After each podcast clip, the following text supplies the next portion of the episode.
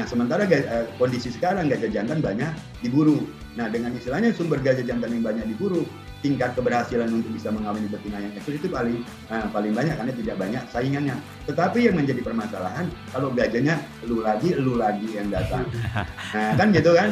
Nah, itu yang menjadi problem. Itulah yang menyebabkan nanti akan terjadi kawin saudara.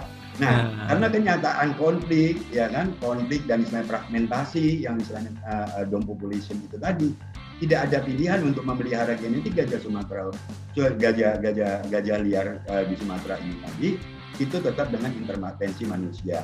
Intervensinya dalam hal apa?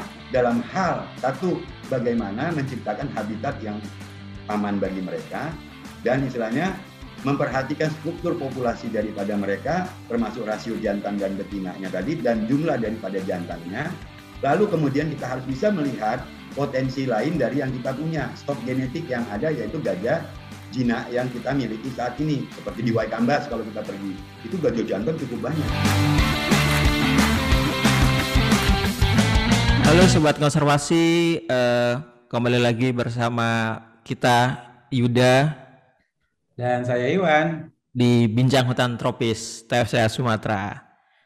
Nah, eh, kali ini Mas, kita sudah kedatangan tamu spesial nih. Kita akan ngomongin soal eh, upaya konservasi pada gajah jinak eh, dan mengenal jenis penyakit pada gajah. Lalu juga seperti apa sih eh, upaya konservasi berbasis sains yang sudah dilakukan untuk gajah-gajah di Indonesia. Hmm. Nah, Kali ini kita kedatangan Bang Wahyu nih. Wes, Bang Wahyu. Halo, apa kabar? Halo Bang. Halo Bang Wahyu, apa kabar? Ya, sehat Bang Iwan, sehat Bang Yuda. Alhamdulillah. Ya Bang, bersedia eh. berkenan berbicara ngobrol-ngobrol bareng kita semua nih. Iya. Beliau ini direktur uh, di Facebook Bang, Mas. Ini satunya bang, satunya emas nih. satu emas bang ya. bang emas. nah, eh, Bang Wahyu, boleh nggak diceritakan sedikit soal Facebook itu apa dan apa yang akhir-akhir ini dilakukan oleh teman-teman Facebook untuk upaya konservasi gajah seperti itu? Sebelum kita lebih jauh ngobrol soal uh, soal hal yang lebih serius gitu, Bang. Biar teman-teman tahu seperti uh, Facebook itu seperti apa. Monggo monggo, ya. Bang. Ya, secara umum Pacific itu dikenal orang adalah gajah yang sakit. Karena logonya tadi itu gajah dengan kaki diperban gitu ya. Tapi itu bukan ide kami dari para pendiri Pacific, ya kan? Tetapi memang itu ide kreatif dari uh, desainernya ya, desain grafisnya. Lalu Pacific itu sendiri adalah sebuah LSM lokal di Medan hmm. yang didirikan oleh empat orang dokter hewan, itu dokter Wahdi, Dokter Heri, Dokter Anhar, dan Dokter Wahyu sendiri gitu. Nah, jadi PSWIK itu didirikan tahun 2003, tapi mulai beroperasi tahun 2006. Nah, itu sejarah daripada PSWIK. Dan dia memang PSWIK tadi adalah singkatan dari eh, sebenarnya masyarakat veteriner bagi konservasi satwa liar Sumatera hmm. atau di keren-keren di Inggriskan itu menjadi Veterinary Society for Sumatran Wildlife Conservation nah, kan gitu. Jadi Bang Yuda bisa dengarnya, uh wah gitu ya. Ah, jadi oh, iya, iya, iya. jadi yang apa yang uh, spesialisasinya nih maksudnya merawat gajah jinak gitu bang? Uh, pada prinsipnya misi kami itu tadi ada ke, kepada satwa liar uh, Sumatera semuanya hmm. begitu. Tetapi uh, karena memang jatuh cinta cintanya dengan gajah dan dua dokter di antaranya tadi itu memulai karirnya dengan gajah pertama di kebun binatang Medan lalu kemudian kami pergi ke lapangan diundang oleh BKSDA merintis karir di sana dan kecintaan terhadap gajah itu tadi mulai muncul di sana dan problema masalah kesehatan gajah mulai uh, terapresiasi oh ini membutuhkan A membutuhkan B sehingga istilahnya kita uh, apa namanya mencoba berkumpul dengan teman-teman merumuskan oh yuk kita buat satu, satu hmm. lembaga untuk bisa istilahnya berpartisipasi atau ya sebenarnya cari kerja juga ya cari kerjaan di bidang satwa Jadi sekali uh, menyelam minum air gitu bang ya. ya ya benar. nah ini apa bang uh, fokusnya kan salah satunya pada gajah kan sebenarnya. Yeah. Ya. Uh, kita selalu mengenal gajah itu ada gajah jinak, ada gajah liar. Padahal sebenarnya kalau kita deketin gajah jinak pun nggak jinak-jinak amat gitu kan sebenarnya. juga gitu ya.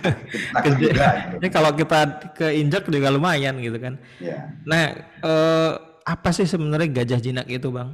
Dan mungkin ada juga kan konservasi gajah ex itu seperti itu. Nah itu apa kayak gitu? Iya. Jadi uh, sebenarnya gajah ex itu atau gajah jinak itu tadi adalah uh, sebagai hasil dari sebuah kebijakan masa lalu di mana waktu itu penyelesaian konflik di masyarakat ataupun di, di, di habitatnya antara karena ada pembukaan perkebunan lahan pertanian masyarakat kemudian gajah berkonflik. Lalu strategi waktu itu adalah melakukan penangkapan uh, gajah untuk dijinakkan dan kemudian didaya gunakan untuk uh, menjadi gajah pekerja waktu itu seperti itu dengan mencontoh dari gajah-gajah Cina lainnya di Myanmar, di Thailand, kira-kira seperti itu. Jadi gajah-gajah jinak. Dan guru pertamanya dulu di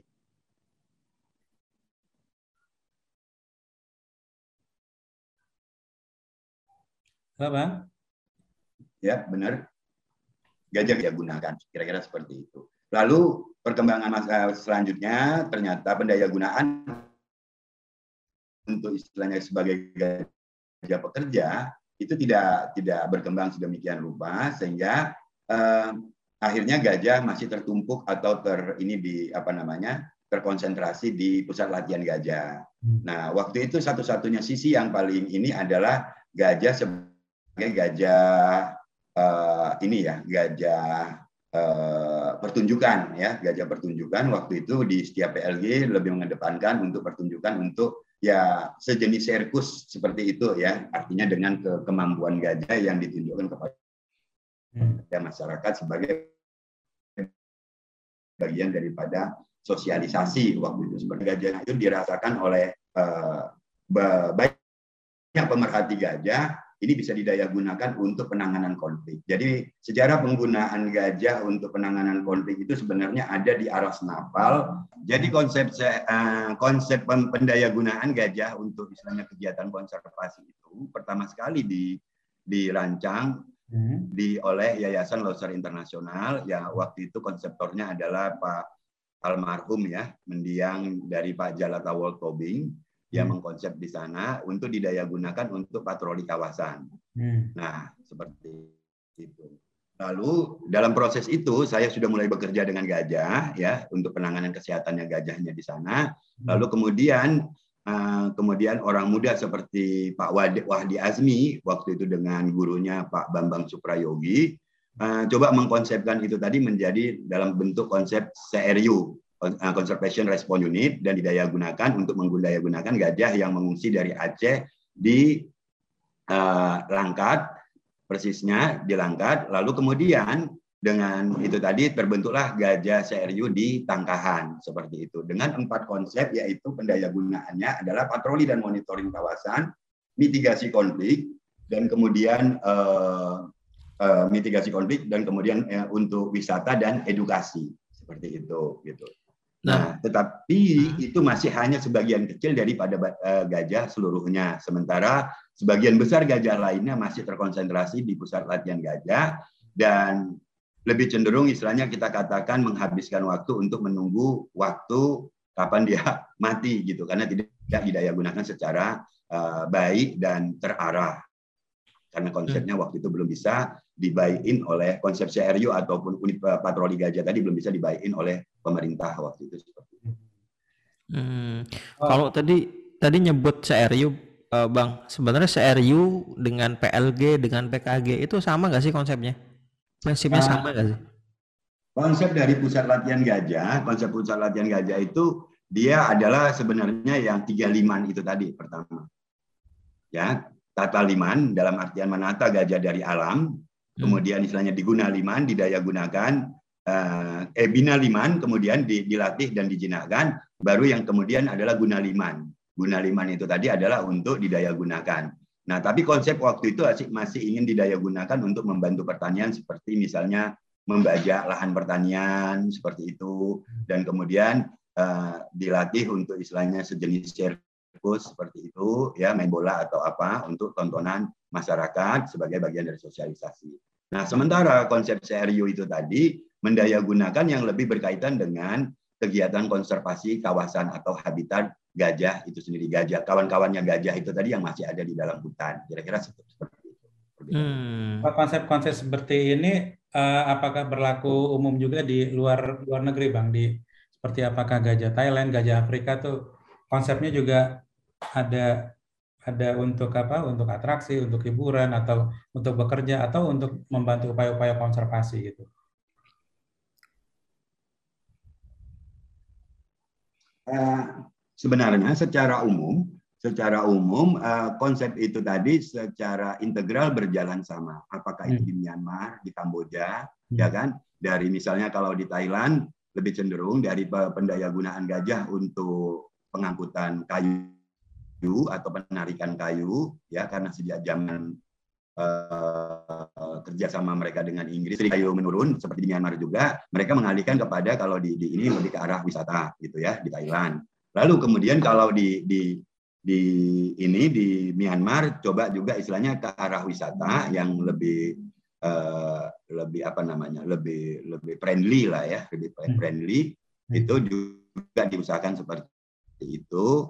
Nah tetapi kalau di India sendiri pernah saya lihat dia udah jauh hari sudah digunakan untuk uh, selain daripada untuk acara-acara ritual adat karena gajah di sana terlalu banyak, tetapi banyak juga gajah-gajah yang sudah sejak zaman dahulunya itu sudah didaya gunakan untuk uh, wisata, untuk membawa orang, untuk melihat harimau seperti di Corbett Tiger Reserve seperti itu. Hmm. hmm. Nah, bang, sebenarnya tujuan akhir atau ya, ya goals akhir dari CRU ini itu apakah uh, sampai pada mengembalikan lagi gajah ke ke habitat aslinya atau uh, seperti apa, bang, di dalam konsep CRU itu? Eh, karena yang perancangnya tadi itu kan adalah Pak Wahdi ya. Saya hanya membaca satu tulisan ilmiah yang dari mereka, dari konsep mereka, memang belum sampai kepada mengembalikan kepada gajah uh, itu ke, kembali ke dalam hutan. Nah, itu muncul pemikiran-pemikiran untuk mengembalikan mereintroduksi gajah-gajah itu lagi ke, kembali ke dalam hutan. Setelah mungkin sekitar lima atau 10 tahun yang lalu kita istilahnya setelah melihat laju penurunan daripada gajah-gajah di alam itu juga cukup tinggi di mana di tahun 2017 kita masih menghitung taksirannya adalah 20 2.400 sampai 2.800 ekor. Nah, kemudian jatuh di di 2007 ya. Kemudian di 2007 itu istilahnya hanya tersisa menjadi 1.400 sampai 1.800. Jadi apabila laju, laju itu tren laju penurunan itu terus stagnan dalam satu dekade ke depan, maka gajah kita nanti hanya tinggal sekitar 400 sampai 800 ekor. Nah, lalu di situ kita berpikir bahwasanya yang ada yang 231 masih ada pikirkan atau dikonsepkan sebagai stock breeding untuk kemudian nantinya akan dapat dikembalikan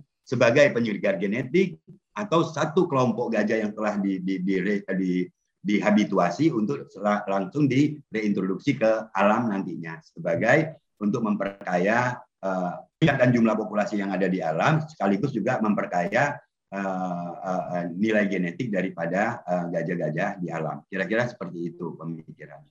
Ini ini iya uh, menarik juga nih Bang Dr. Wahyu sudah menyinggung soal genetik gitu ya. Sebelum sebelum kita akan kupas lebih lanjut soal genetik ini, saya mungkin pengen pengen sedikit tanya Bang soal tadi konsep pengelolaan gajah itu.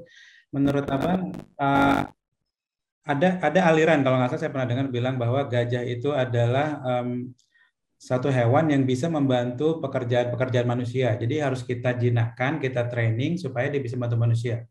Atau di sisi lain bahwa gajah itu tidak boleh di di apa di diperbudak lah oleh manusia gitu, di training, ditunggangi dan segala macam gitu. Menurut abang itu gimana sebenarnya yang yang yang Arif kita menyikapi uh, kedua perbedaan ini, bang? Uh, kita berpikirnya tentang konservasi gajah itu sendiri, ya. Konservasi gajah itu sendiri. Nah, konservasi gajah itu sendiri adalah satu adalah pengawetan, perlindungan, ya. Satu lagi apa saya lupa. Nah tetapi artinya prinsip-prinsip itu tadi pengawet perlindungan. Perlindungan berarti kita harus melindungi dia. Sebisa mungkin kita uh, letakkan di dalam hutan ya kan Lalu kemudian apabila istilahnya dia tetap menyebabkan konflik atau ini tidak ada pilihan, kita harus selamatkan dia. Jadi penangkapan bukan artinya untuk ya gunakan dia, tetapi menyelamatkan dia dari ancaman nantinya di saat kita awetkan dalam artian itu dengan istilahnya gajah-gajah lain yang ada sehingga istilahnya dia dapat berkembang biak dan memberikan keturunan. Kira-kira seperti itu. Nah, dari itu tadi baru nanti kita ex situ dan in situ link itu tadi bagaimana? Seperti yang kita uh, sampaikan sebelumnya bahwasanya gajah di alam menurun dan istilahnya apabila istilahnya gajah di ini bisa berhasil meningkat produksinya, reproduksinya, ya kan? Nah, maka istilahnya itu bisa menjadi penyegar genetik bagi gajah-gajah di alam yang nantinya akan memperkuat uh, uh, uh, apa namanya ketahanan daripada gajah itu.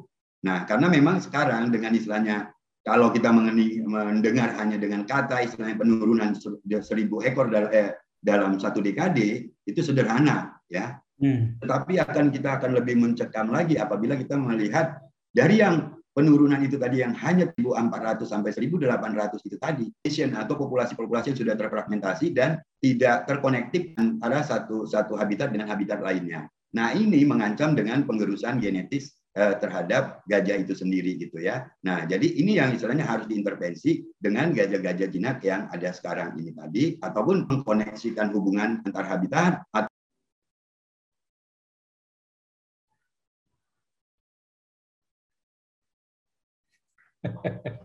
baik, baik bang. Uh, uh, jadi kalau kalau kayak gitu sebenarnya seberapa seberapa bahayanya kalau misalnya genetik gajah itu tergerus bang? Maksudnya uh, apakah keragaman keragaman genetis itu semakin lama semakin kecil sehingga ada kemungkinan bisa terjadi uh, mungkin penyakit-penyakit yang yang yang kita antisipasi kalau terjadi pernikahan saudara mungkin seperti apa bang gambarannya? Ya. Uh, jadi uh, secara teoritis ya kan inbreeding yang terjadi akibat daripada dom population tadi atau kawin se, se, se, se, sedarah itu tadi itu istilahnya bisa menyebabkan dia kematian yang lebih tinggi. Nah karena apakah itu penyakit infeksi atau penyakit herediter itu sendiri. Hmm. Nah lalu kemudian secara teoritis juga dikatakan fekunditasnya tadi dia lebih rendah atau kemampuan istilahnya reproduksi istilahnya dari mulai uh, uh, apa namanya kalau konsepsi tetap rajin dia ya konsepsi. Mengerti nggak nih udah nih konsepsi? ya, Yuda udah 8 menit kan kayaknya ya.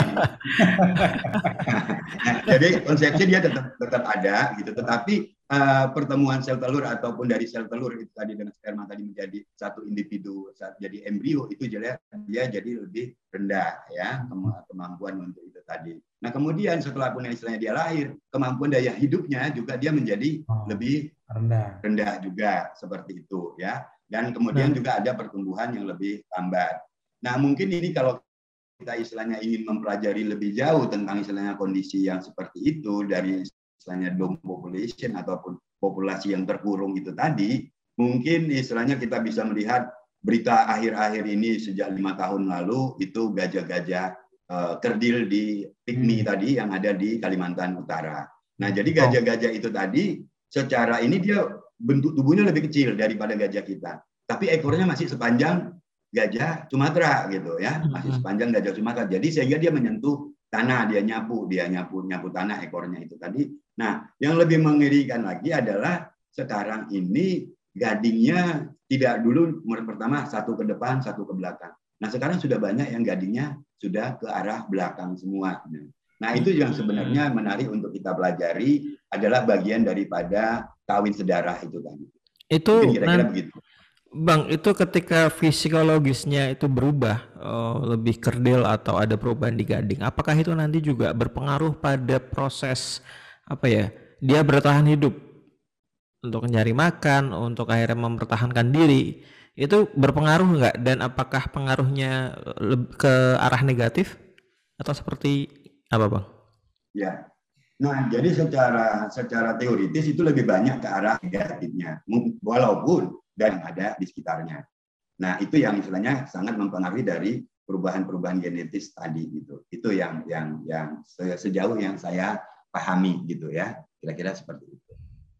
Nah tapi itu memakan waktu dengan proses uh, puluhan dan ratusan tahun ya, ratusan tahun daripada uh, uh, gajah itu sendiri. Tapi apa walaupun itu istilahnya untuk ratusan tahun depan, tetapi artinya ketika kita istilahnya melihat sebuah permasalahan itu sekarang, istilahnya tidak ada lain dari eh, apa namanya kewajiban kita yang menelusuri atau yang mengenal gajah itu tadi untuk harus melakukan eh, eh, sebuah tindakan gitu. Pencegahan sejak dini ya. Sebuah kebijaksanaan. Ya. Nah, gajah gajah pygmy itu tadi sebenarnya bukan satu subspesies baru ya bang ya, tapi memang memang karena dia penyakitan gitu bang ya. Uh, saya nggak berani untuk mengatakan gitu, tidak berani. Tetapi artinya kita nggak tahu ya apakah gajah itu istilahnya hasil sebuah reintroduksi pada masa lalu dari masa sejarah kerajaan Sulu, sebagaimana istilahnya ada pada pada eh, catatan-catatan sejarah yang lalu, tetapi ataukah istilahnya dari pembelahan dari pulau-pulau. Nah ini agak saya agak-agak sedikit menghayal ya, coba ngajak Yuda untuk menghayal juga ini Pak Pak Iwan, Bang Iwan. Nah jadi artinya kita lihat kepala burung dari Kalimantan itu tadi bentuknya bagaimana? Ya. Sudutnya ya kepala burung. Hmm. Nah lalu kita lihat Pulau Sumatera di Lampung itu tadi sudutnya bagaimana? Oh. Apakah dulu pernah bersatu pulau itu dan kemudian akibat dari perubahan ini dia menjadi terpisah seperti itu. Nah, hmm. terpisah hanya dengan sekelompok kecil saja. Nah, itu kita tidak tahu. Tetapi ada kemungkinan ya. Artinya itu bisa kita bayangkan saja kira-kira bagian daripada pembelahan yang membuat dia terfragmentasi dan menjadi uh, small population seperti itu. Kira-kira seperti itu. Hmm. Karena memang keberadaan daripada gajah Kalimantan hanya di pucuk kepala dari Pulau Kalimantan itu di Sabah dan ya Sabah aja ya di daerah Sabah kira-kira begitu. Hmm, ya. Kalau tadi eh, apa namanya Bang Wahyu sempat bilang bahwa ini masalahnya kan dari soal eh, gen juga kan, dom population itu kan juga nanti perkawinan sedarah dan lain-lain. Eh, lalu adakah Bang cara yang dilakukan oleh teman-teman Facebook untuk eh, mencoba menyelesaikan problematika ini, problematika eh, ya dom population ini?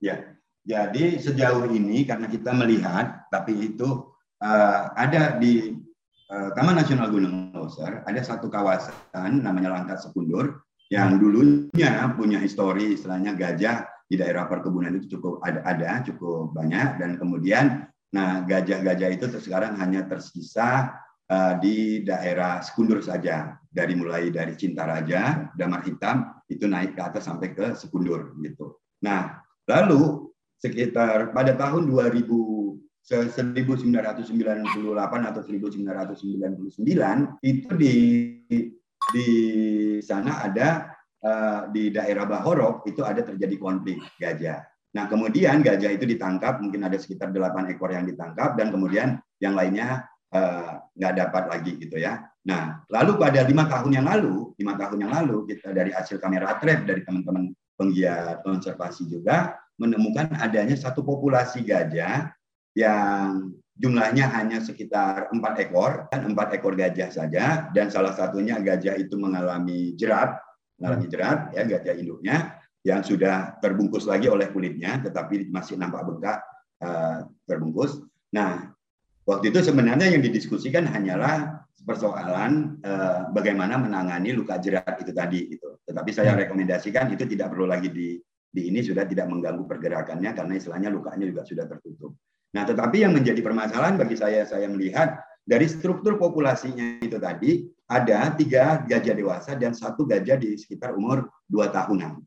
Lalu kesimpulan kita karena di sana ada gajah dengan istilahnya satu anak itu tadi, kelompok kecil itu tadi, berarti ada pejantan di sana yang minimal dua tahun atau eh, empat tahun yang lalu pernah mengawini dia.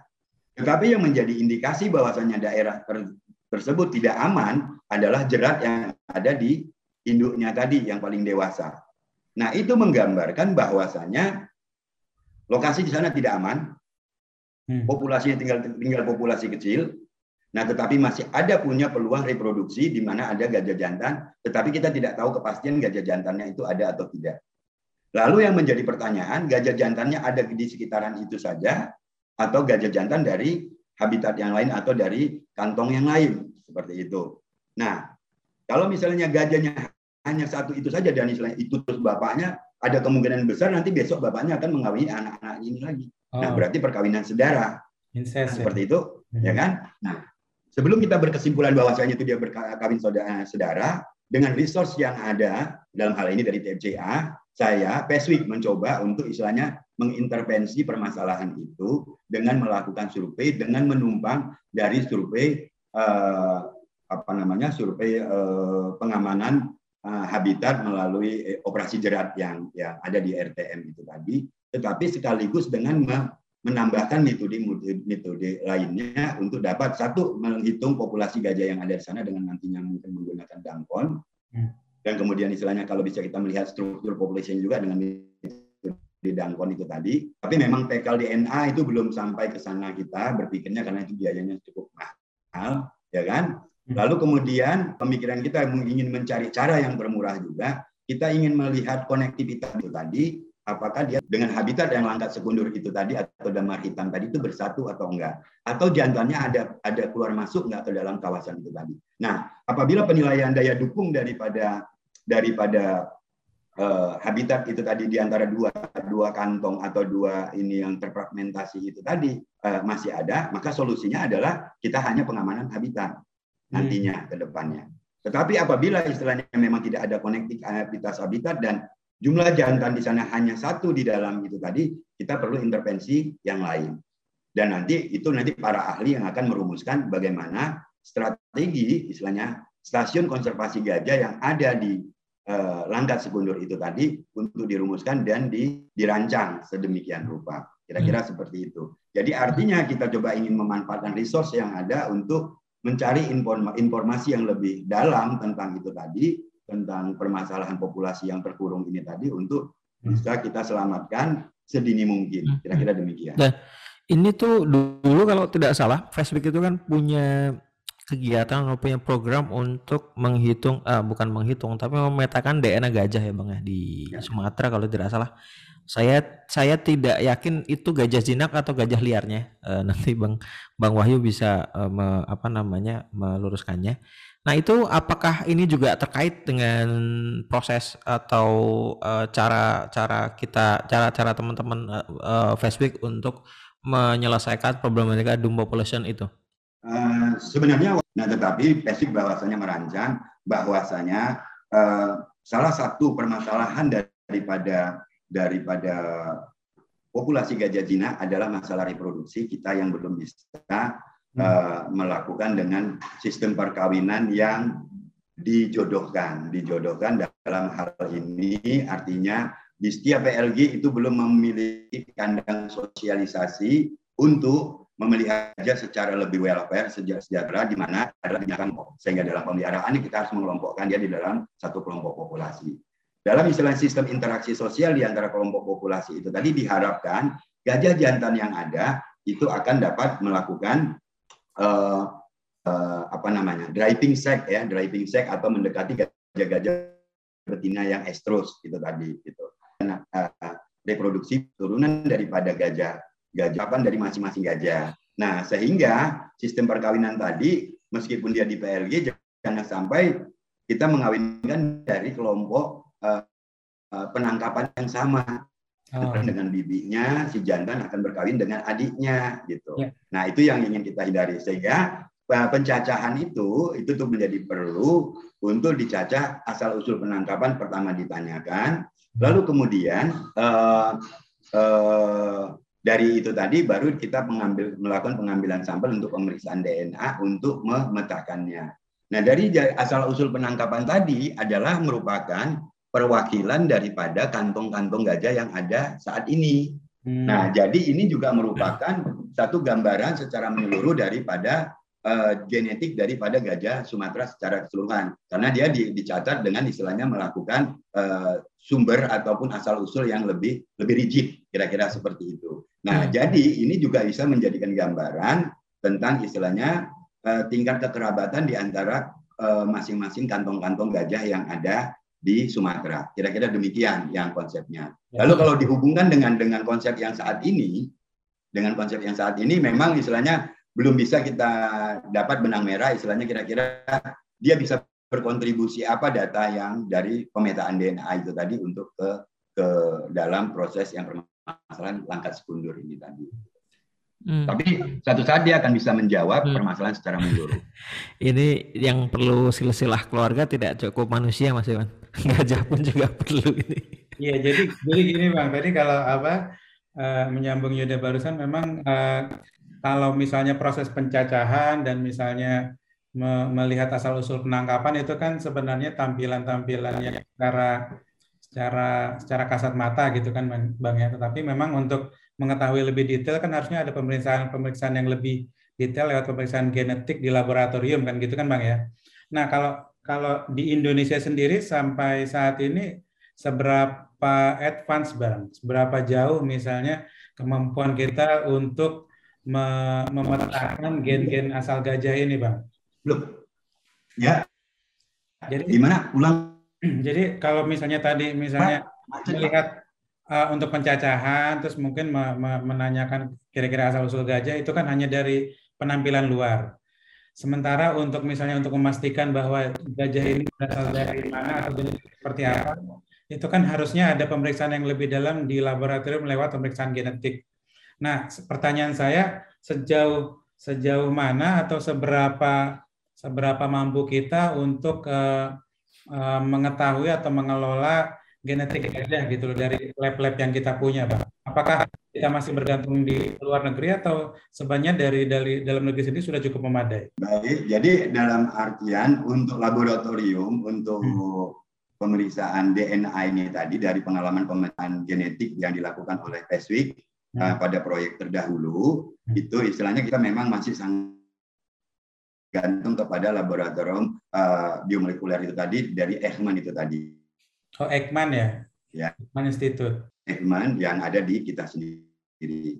Nah tapi memang Ekman cuma sangat bisa dibaca dengan mesin yang ada itu masih yang relatif sedikit lebih pendek lebih hmm. pendek sehingga marka yang ini masih bisa ditemukan di dalam di dalam uh, hasil tadi hanya bisa memisahkan menyimpulkan sementara bahwasanya gajah Sumatera keseluruhan terdiri kekerabatannya hanya kira-kira seperti itu dulu gitu ya pada uh, nanti mungkin akan bisa kita lanjutkan akan bisa kita lanjutkan oke so bagus Bang, Bang boleh uh, interaksi sebentar, Bang. Ya, jadi ya, pemeriksaan ya. itu tadi kita masih sangat tergantung dengan Tekman sampai saat ini.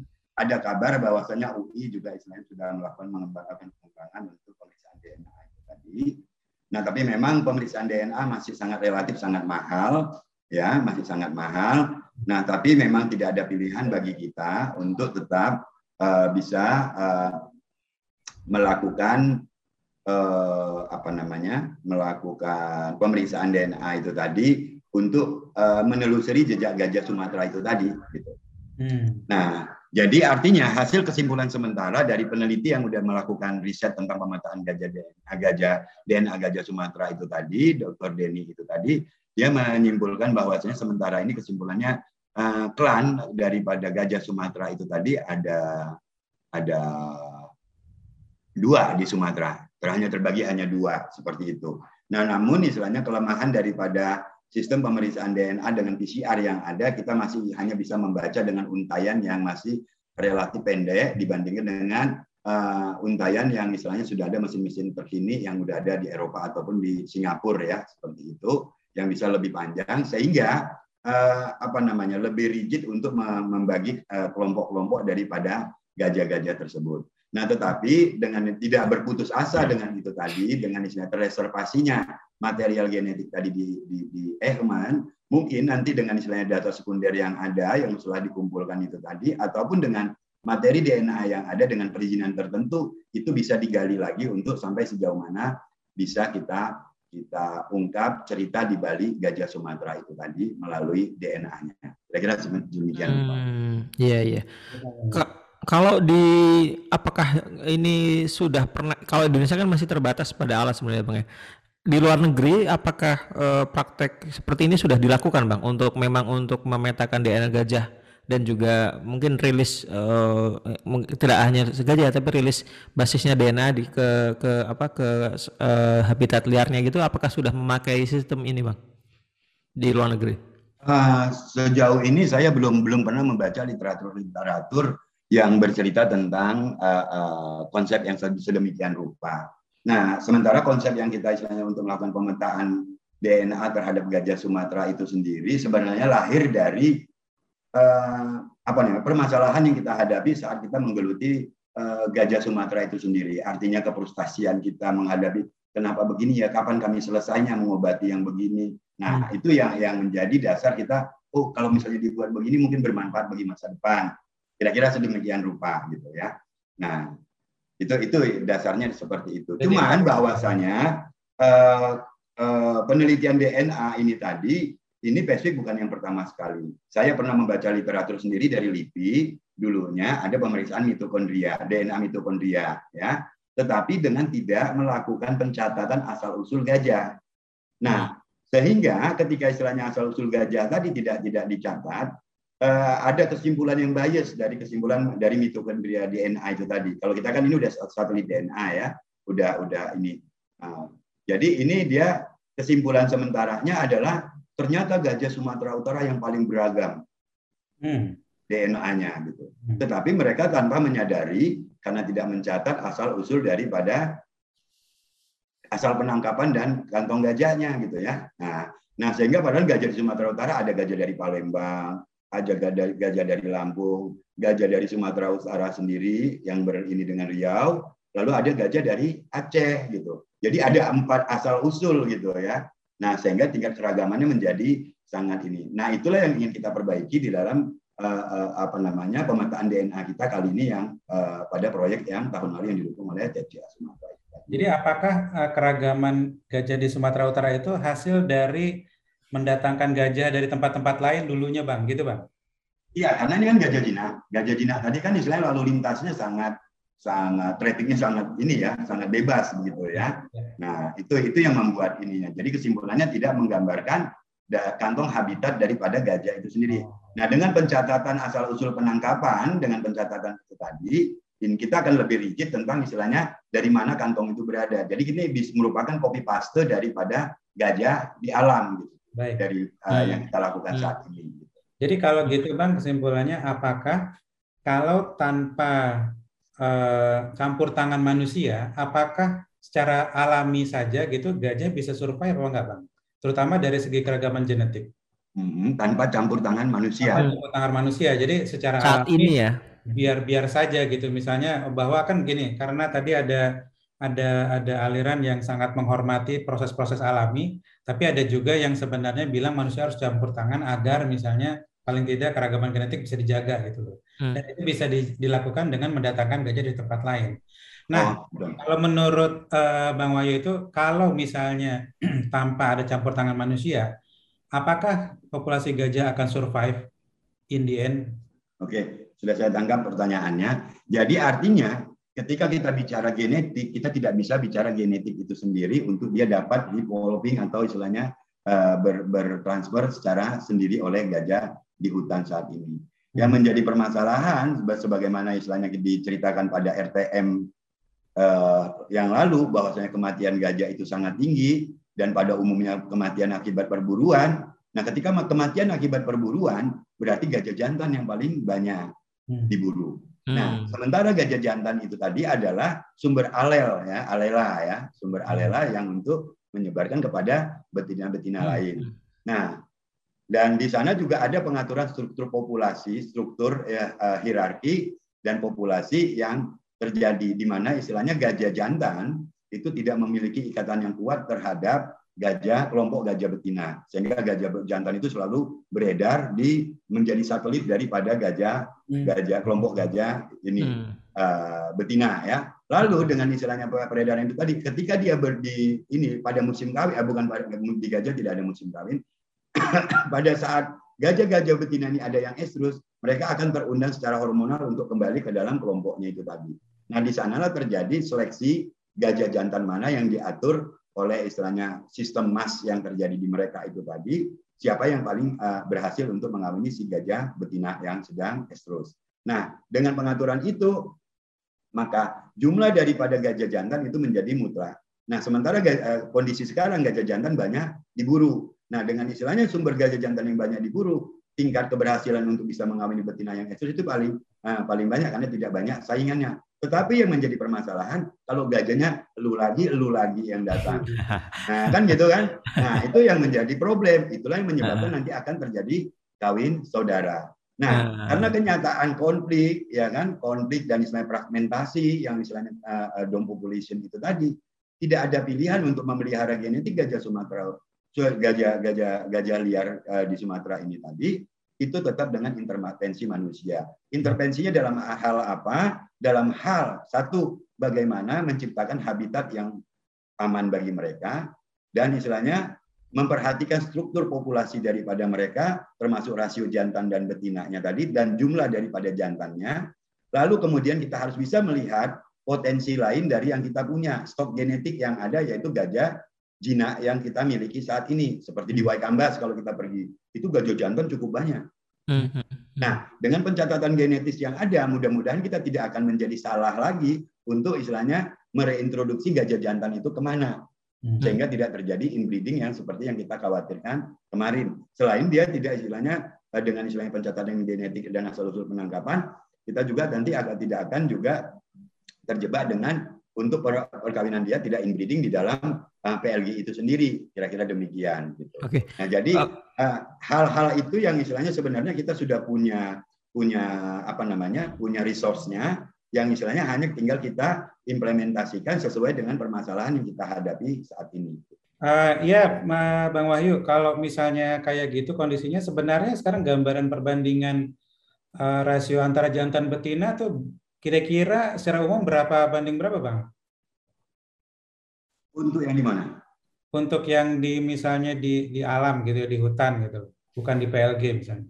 Ya, Uh, jadi itu yang istilahnya yang uh, sebenarnya itu yang kita sebenarnya hampir seluruh kita tidak punya angka yang pasti. Belum ada data. Dan karena itu tadilah istilahnya berbagai metode-metode uh, survei itu tadi harus kita maksimalkan untuk dapat kita implementasikan untuk bisa mendapatkan data yang lebih valid sehingga rancangan ke depan terhadap istilahnya strategi konservasi gajah itu tadi menjadi tidak uh, bias atau tidak salah seperti itu. Kira-kira seperti itu.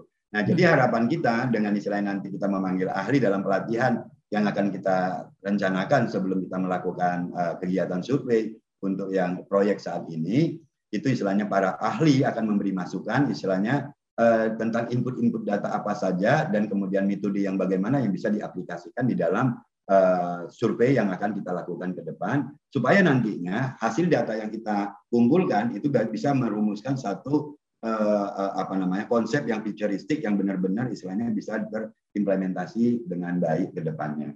Nah, itulah yang menjadi problema kita sekarang. Oke. Okay. Baik, ini sebelum kita nanti apa beralih ke penyakit ya, uh, ada satu lagi mungkin yang aku mau tanya. Itu kalau misalnya Abang melihat kasus-kasus kematian gajah di Sumatera selama ini yang karena karena jerat atau karena diracun oleh masyarakat katakanlah seperti itu atau pemburu, itu yang yang yang yang mati kebanyakan gajah jantannya atau gajah betinanya bang kalau dilihat dari kasus-kasus yang ada Uh, dari kasus-kasus yang ada lebih banyak di gajah jantan. Nah makanya ketika ah, iya, iya. ada di grup WhatsApp itu tadi, hmm. saya lebih sering, istilahnya ketika menerima kabar itu, oh mati hmm. lagi, mati lagi, mati hmm. lagi. Eh, kekhawatiran itu semakin tinggi. Gitu. Iya betul. Nah. Hmm. Oke, okay.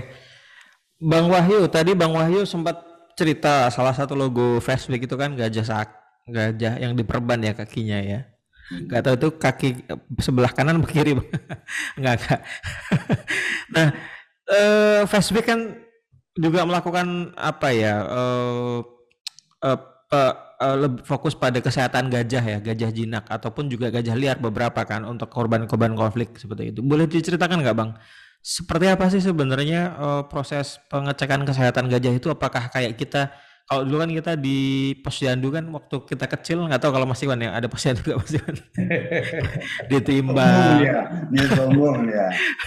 Loh, aku anak milenial ini. Ya.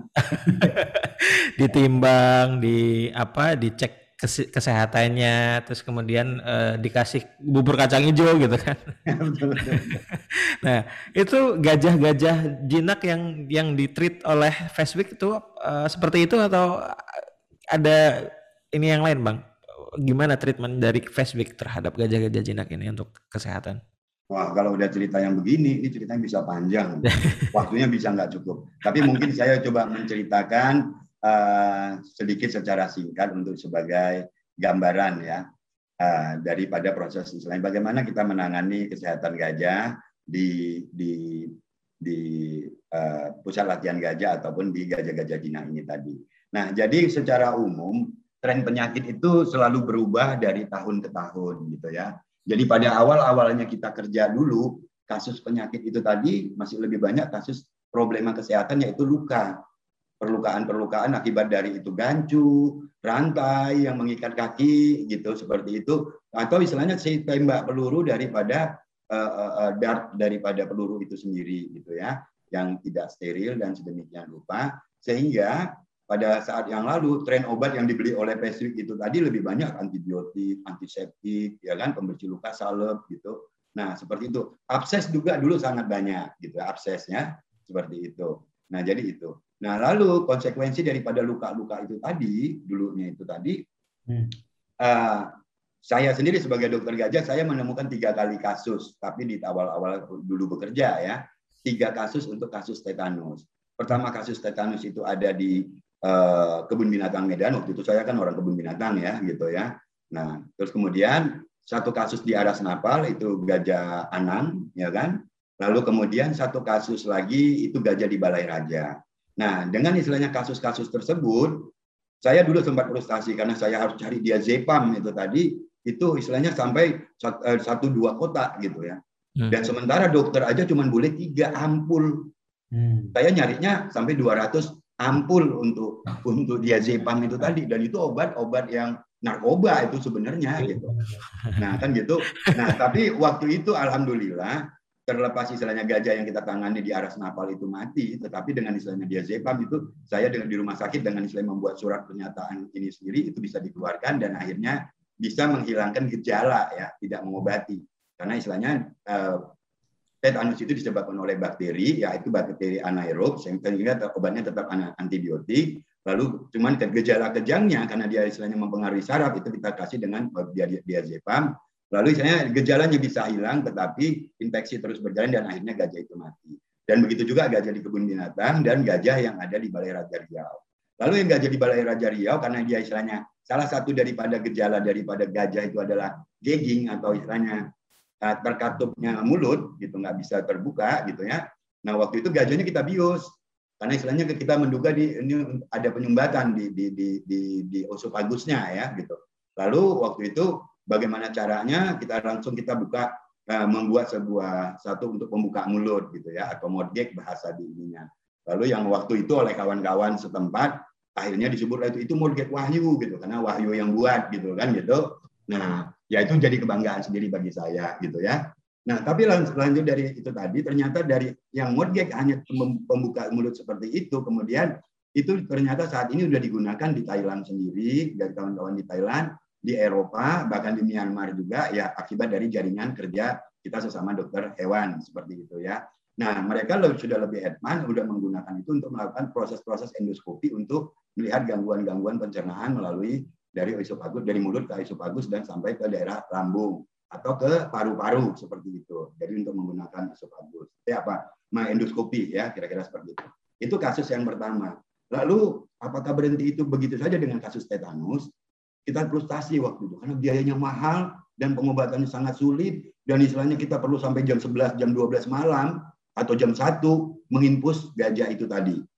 Ya. Lalu istilahnya saya coba berdiskusi dengan orang laboratorium tentang eh dengan kawan-kawan bahwasanya bagaimana oh itu bisa diantisipasi dengan vaksin. Lalu ada rekomendasi dari bukunya Susan Mikota itu satu dosis kuda kalau ininya satu kali dosis kuda. Lalu ada pertanyaan apakah satu kali dosis kuda itu sudah mampu memproteksi gajah dari dari tetanus gitu ya karena berat gajah dengan berat kuda itu hampir empat kali lipat gitu ya.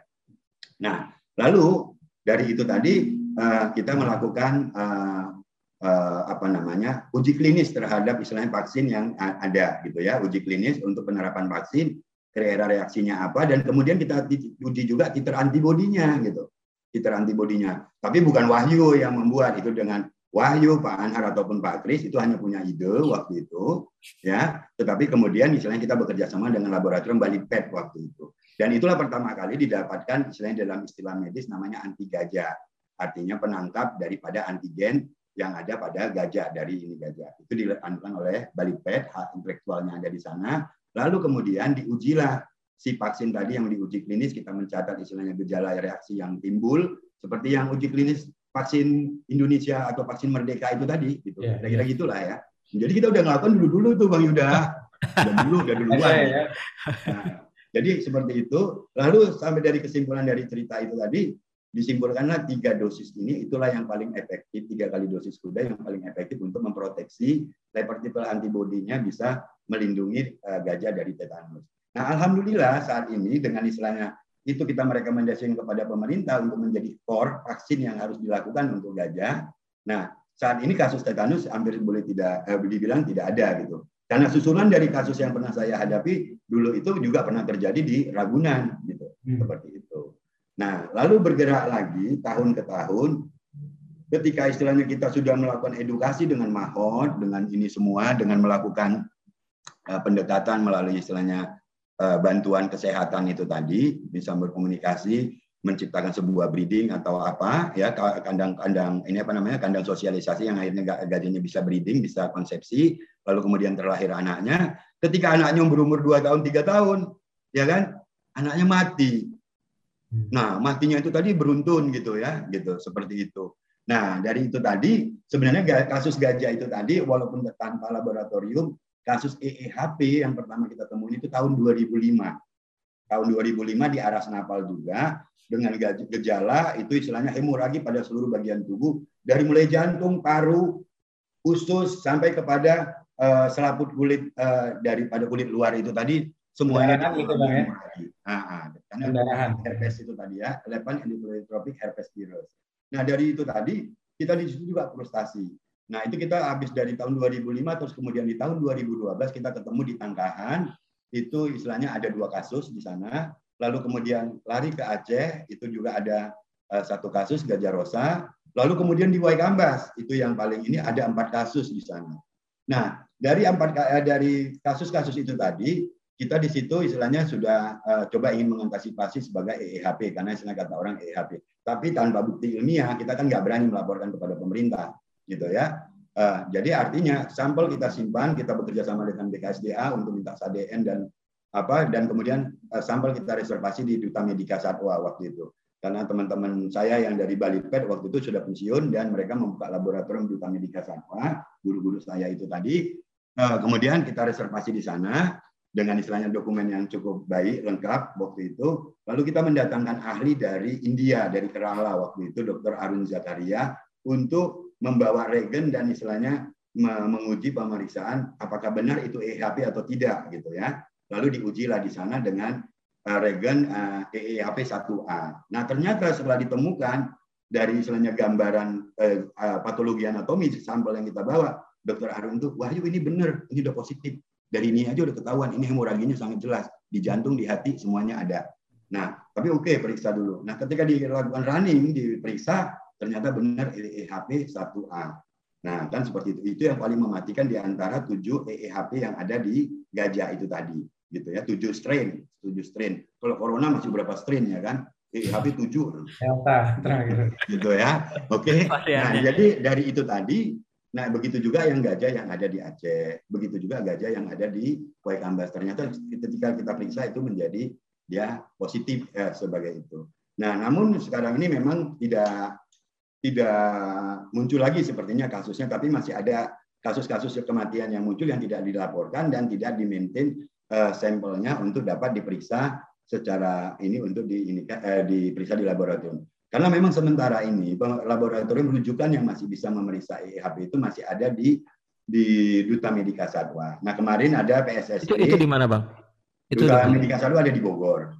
Oh. Dan kemudian kemarin eh, PSSP juga istilahnya mereka sudah memiliki mesin PCR, qPCR, dan dia menawarkan, Bang kalau mau periksa EHP kita bisa beli regennya di sini dan kita bisa uh, uji lagi ke depannya uh, untuk EHP seperti dia ada penawaran dari sana.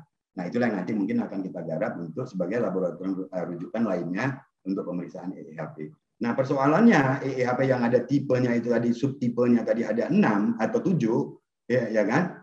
Nah, tidak semua menyebabkan kematian. Ada satu, ada lima, ada tujuh itu yang membuat kematian. Tetapi ada yang tiga atau empat itu tadi dia tidak menyebabkan kematian, tapi cukup menunjukkan gejala klinis dan uh, cukup uh, menyakiti juga ya. Nah, jadi kita uh, ada kasus dua kasus di, di ini kita suspek sebagai EHP ya sebagai EHP tetapi karena memang QP apa di Duta Medika Satwa waktu itu tidak ada qPCR yang bisa memeriksa dari darah dari telinga ya yang untuk melihat viremianya kurang sensitif.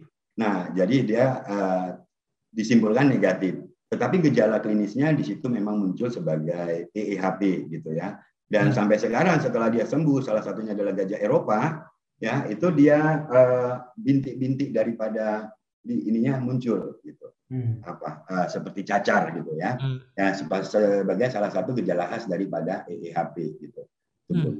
Jadi EHP itu sebenarnya penyakit yang paling ini bang ya paling mematikan, mematikan untuk gajah di bawah 10 tahun. Di bawah 10 tahun. Kalau setelah itu dia nggak muncul lagi ya? Eh, dia nggak uh, mau nyerang uh, eh, EHP ini setelah 10 tahun? Mungkin daya survive daripada antibody daripada si hmm. gajah itu eh, si gajah dewasa itu udah lebih baik daripada proses dari ini. Dan permasalahan EHP ini memang masih sangat banyak misterinya. Minimal mekanisme penularannya saja kita belum tahu.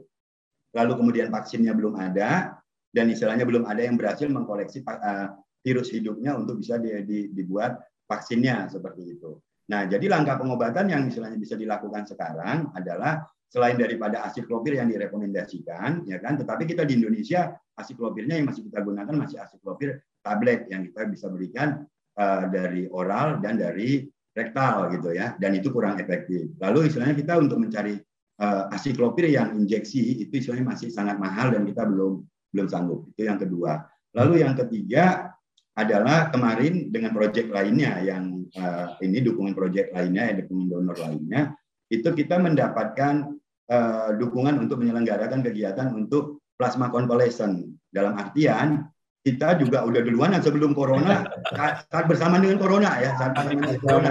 sama. Nah, nah, tapi ketika itu waktu itu belum ya di manusia belum. Ini kita udah melakukan istilahnya uh, pengoleksian darah kemudian kita pisahkan untuk dapatkan plasmanya tapi memang nggak secanggih dari dari ini kita lebih banyak ke manualnya ya tetapi itu adalah sebagai strategi pengobatan untuk penyakit penyakit virus gitu ya Nah, hmm. jadi artinya dari gajah yang udah pernah terkena, dia punya antibodi, ya kan, antibodinya di dalam. Nah, jadi dia istilahnya nanti akan diberikan antibodinya kepada gajah yang terserang berikutnya. Kira-kira hmm. seperti itu. Hmm. Itu sudah kita lakukan oleh nah, PSB. Kalau kalau uh, itu tadi kasus eh, gajah-gajah di alam. Kalau misalnya gajah-gajah yang di kebun binatang atau di taman safari itu kira-kira aman nggak bang dari EAV bang? Sebenarnya sama risikonya.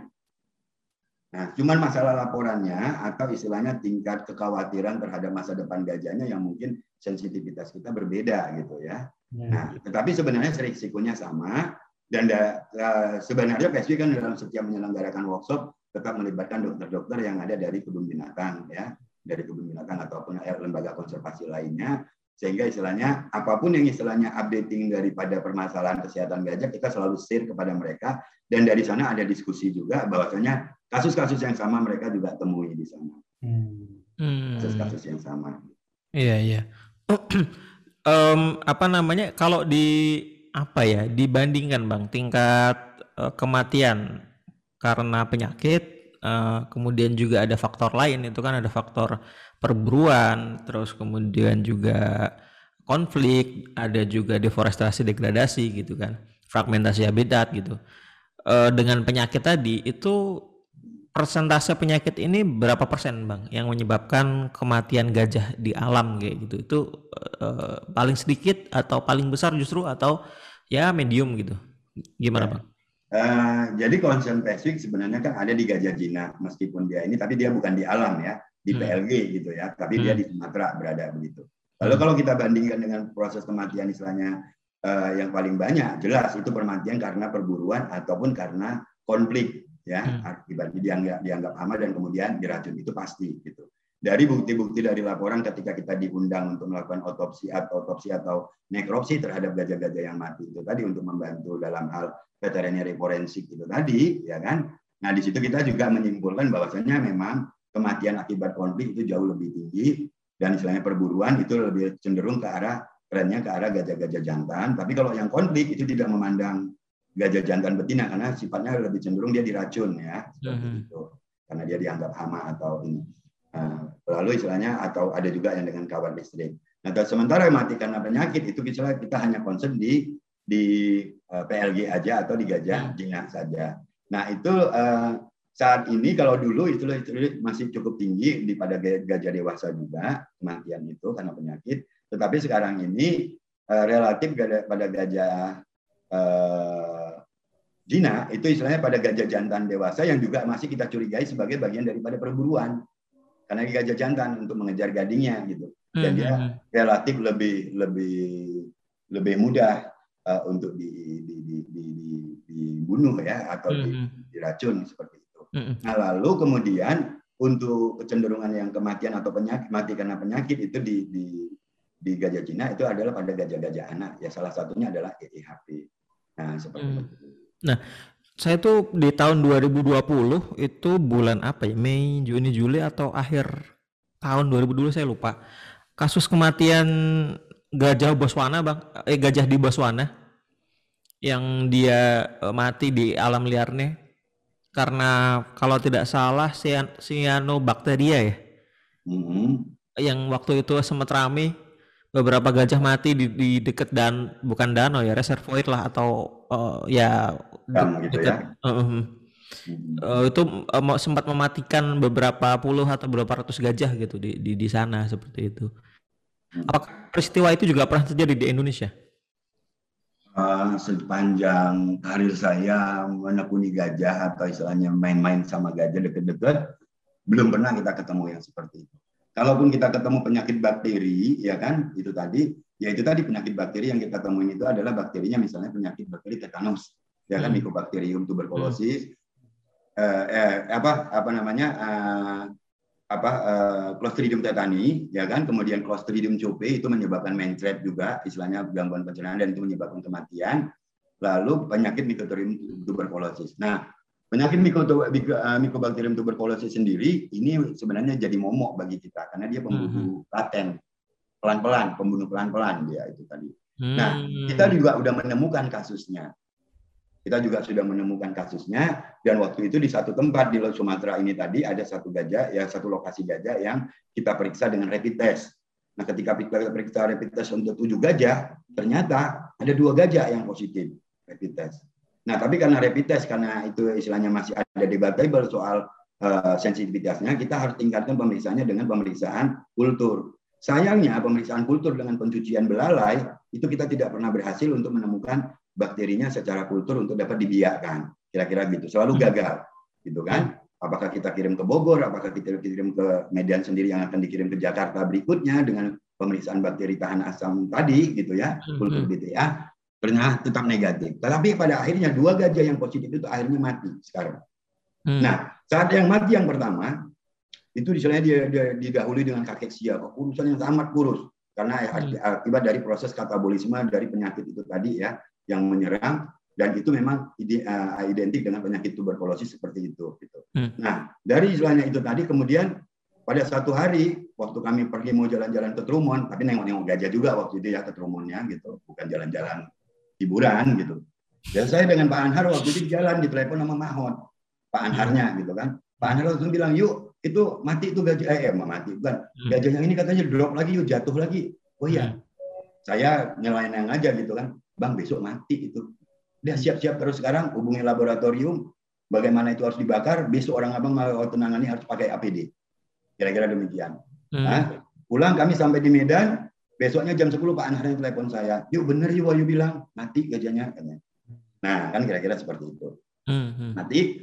Nah langsung mereka lakukan itu tadi dengan prosedur itu semua. Dan mereka melakukan pengambilan sampel apa semuanya. ya kan Itu semua langsung kita kirimkan istilahnya untuk pemeriksaan di Baliped. ya kan Pemeriksaan kultur, eh, pemeriksaan histopatologi dan pemeriksaan PCR. Lalu hasil dari PCR ternyata positif Clostridium eh apa uh, Mycobacterium uh, tuberculosis. Nah, yang lebih menarik lagi ternyata Mycobacteriumnya adalah Mycobacterium uh, tuberculosisnya adalah Mycobacterium yang tipe human TB. Waduh. Hmm. Human TB. Jadi hmm. Mycobacterium itu ada tiga, bovine, apian, sama human, gitu ya, human gitu. Karena ini buat uh, ini kita tahu bahwasanya si si apa namanya si TB itu tadi itu kan uh, apa namanya sifatnya zoonosis bisa menyerang hmm. manusia dan bisa menyerang hewan, bisa berpindah hmm. dari manusia ke hewan, bisa hmm. dari hewan ke manusia. Hmm. Nah, ketika istilahnya yang dikatakan itu human TB, berapa langkah kami harus lakukan? Satu, pertama, kami melakukan melakukan screening terhadap seluruh uh, mahot yang ada di lokasi. Hmm. Hmm. Nah, dari tujuh mahot itu di screening dengan melakukan pemeriksaan IGRA, ya kan? IGRA itu tadi imuno apa namanya? Uh, Igra lah, pokoknya dia pemeriksaan lupa saya, udah tua pak. Gitu. Udah tua, Igra. saya kan? nggak tahu. Nah, jadi di antara 13 mahot yang diperiksa, 13 mahot yang diperiksa, tujuh orang ternyata, eh, lima orang positif. Oh. Lima orang itu positif. itu dari gajah ke mereka atau mereka ke gajah? Nah, tunggu dulu, panjang ceritanya. Oh, kan gitu. Nah, jadi ternyata lima positif. Nah, lima ini tadi positif, ternyata itu kesimpulan ini adalah positif inaktif. Hmm. Dia sudah terpapar dengan banyak, tetapi dia tidak belum bekerja di dalam tubuhnya. OTG, OTG tanpa gejala. OTG, ya persis. Wah, ya keren pak. Nah, OTG kira kalau pada ini si mahotnya ya, si mahotnya ya. Si mahot. Nah, oh, lalu iya. eh. itu harus ditingkatkan dengan pemeriksaan kedua. Hmm. Pemeriksaan yang gold paling ini untuk TB adalah pemeriksaan dengan foto torak. Hmm. Nah, ketika di tangan foto torak ternyata belum ada tuberkulose-tuberkulose yang terlihat di dalam atau kalau di corona sekarang itu cairan yang ada di dalam ini belum ada gitu tanda-tanda hmm, itu. Hmm. Nah, jadi di, di, disimpulkan oleh si dokter parunya, si dokter parunya yang sudah meninggal juga dokter parunya akibat corona ya. Uh, dokter Andika itu tadi di Medan di Rumah Sakit Columbia itu menyimpulkan bahwasanya mereka maut itu tadi adalah positif secara ini tetapi bersifat inaktif dan belum mempengaruhi daripada paru-parunya. Jadi masih diizinkan untuk bisa bekerja dengan gajah. Simbolannya sedemikian rupa. Lalu kemudian kita kan uh, jadi bingung nih. Ini jadi penularannya dari mana? Dari siapa? Lalu kita track lagi, tracing, istilahnya kalau bahasa sekarang, tracing ke belakang. Siapa aja yang pernah nangani gajah ini? Lalu kita lari ke Aceh, gitu. Kita cari, oh iya si A ini dan si A itu tadi dia punya gejala yang sama. Saya perintah lagi sama Pak Anhar, Pak, eh Bang, tolong diperiksa dia, bawa ke ini dokter paru apa semuanya. Periksa, ternyata setelah diperiksa, ternyata dia positif. Nah, ketika dia positif antara putu torak dan uh, di sana mantub tes ya, tidak igra di sana, karena kan Aceh sama ini masih beda itu kampungnya Pak. Kampungnya masih Pak. Wani. Nah, kan gitu kan. Gerung-gerung apa? Nah, gerung-gerung. Gerung-gerung. gerung-gerung. Oke. Nah, jadi di sana pakai mantuk tes dan kemudian dengan foto torak ternyata positif. Lalu dari itu tadi kita rekomendasikan kepada uh, kepala balainya untuk tidak membebaskan dia dari bersentuhan dengan gajah dan menugaskan dia pada ini lain semasa-masa pengobatannya. Nah, jadi sedemikian rupalah untuk penanganan kesehatan gajah yang berkaitan dengan zoonosis disease gitu ya. Begitulah kita istilahnya harus melakukan dan dengan penuh kehati-hatian, tapi juga dengan harus dengan kesungguhan dan istilahnya ya keikhlasan juga gitu. Karena duit yang waktu dulu itu tadi terus terang aja ya, saya banyak kehilangan uang waktu itu. Dan itu ternyata donor kita yang dari Elephant Family waktu itu drop. Oh. Gagal fundraising dan uangnya nggak tergantikan hmm. gitu. Hmm. Tapi alhamdulillah saya masih hidup gitu. Jadi itu punya cerita sendiri yeah. gitu, kebahagiaan sendiri. Bang Wahyu, jadi ini kan ini tadi kita banyak banget ngomong soal zoonosis dan juga COVID secara tidak langsung. Nah, sebenarnya kan kemarin beberapa minggu atau beberapa bulan lalu kan sempat santer uh, harimau ya, harimau di Ragunan ya. Hmm. Harimau di Ragunan itu positif COVID. Dua harimau kalau tidak salah atau satu saya juga lupa. Lalu di tahun-tahun awal COVID itu juga ada harimau Nadia di Amerika kayak gitu. Itu mereka juga positif, uh, dia juga positif COVID ya. Nah ini apakah COVID ini nanti juga akan akan berdampak pada gajah? Uh, karena kan kita tahu uh, dari dari mahot misalkan mahot mahot uh, yang terpapar terus kemudian OTG misalkan atau terkena pada gajah gitu Bisa dimungkinkan nggak kayak gitu? Dan apakah ini juga akan jadi ancaman buat gajah? Um, gini ya, uh, pertama sekali bahwasanya corona, virus corona itu pada kucing dan anjing itu udah udah lama ada. Hmm. Hmm. Nah, tetapi pada eh, kucing dan anjing gejala yang muncul atau istilahnya gangguan yang ini adalah uh, penimbunan cairan di abdomen, bukan di rongga torak. Hmm. Kalau di kucing, sehingga kucing kan gembol cairan banyak dan akhirnya mati. Gitu hmm. ya. Kalau di anjing membuat dia mencret. Mencret hmm. uh, ini gitu ya, saluran pencernaan juga. Lalu dengan adanya corona pada pada ini tadi, uh, itu yang saya lebih curiga adalah dia akan dapat menular. Tapi ini bukan saintifik ya, masih pemikiran ya. Jangan nanti jadi kasus uh, hoak pula nanti jadi ini gitu ya. Ini pemikiran, pemikiran Iya, benar-benar.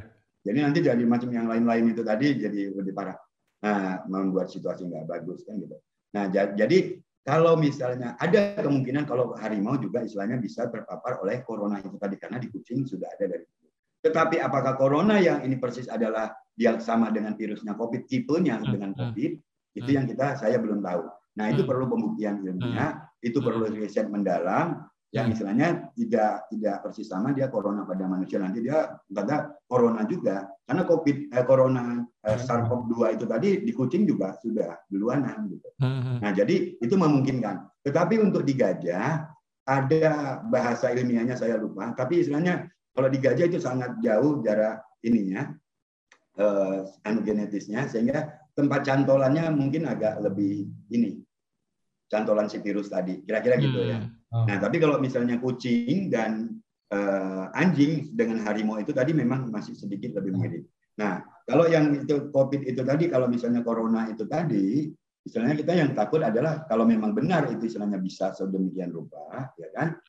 Uh, mungkin tipe yang berbeda dari yang ada di manusia gitu, dan yang memang sudah ada di di di di di apa namanya di kucing atau di anjing yang sebelumnya juga gitu dan ya. itu saya belum begitu terlalu khawatir untuk itu tadi tapi kalau di gajah eh, sepertinya masih sangat jauh ya untuk bisa bisa menginfeksi jadi hmm. mungkin memang karena kita kan sebenarnya belum tahu ya ada yang bilang bahwa uh, memang zoonosis itu uh, virus corona ada yang juga katanya bikinan laboratorium di Wuhan kita nggak tahu kita nggak nggak apa nggak menyentuh nyentuh itu. Nanti kita takut di, dianggap mengembangkan teori hoax bang ya. Konspirasi.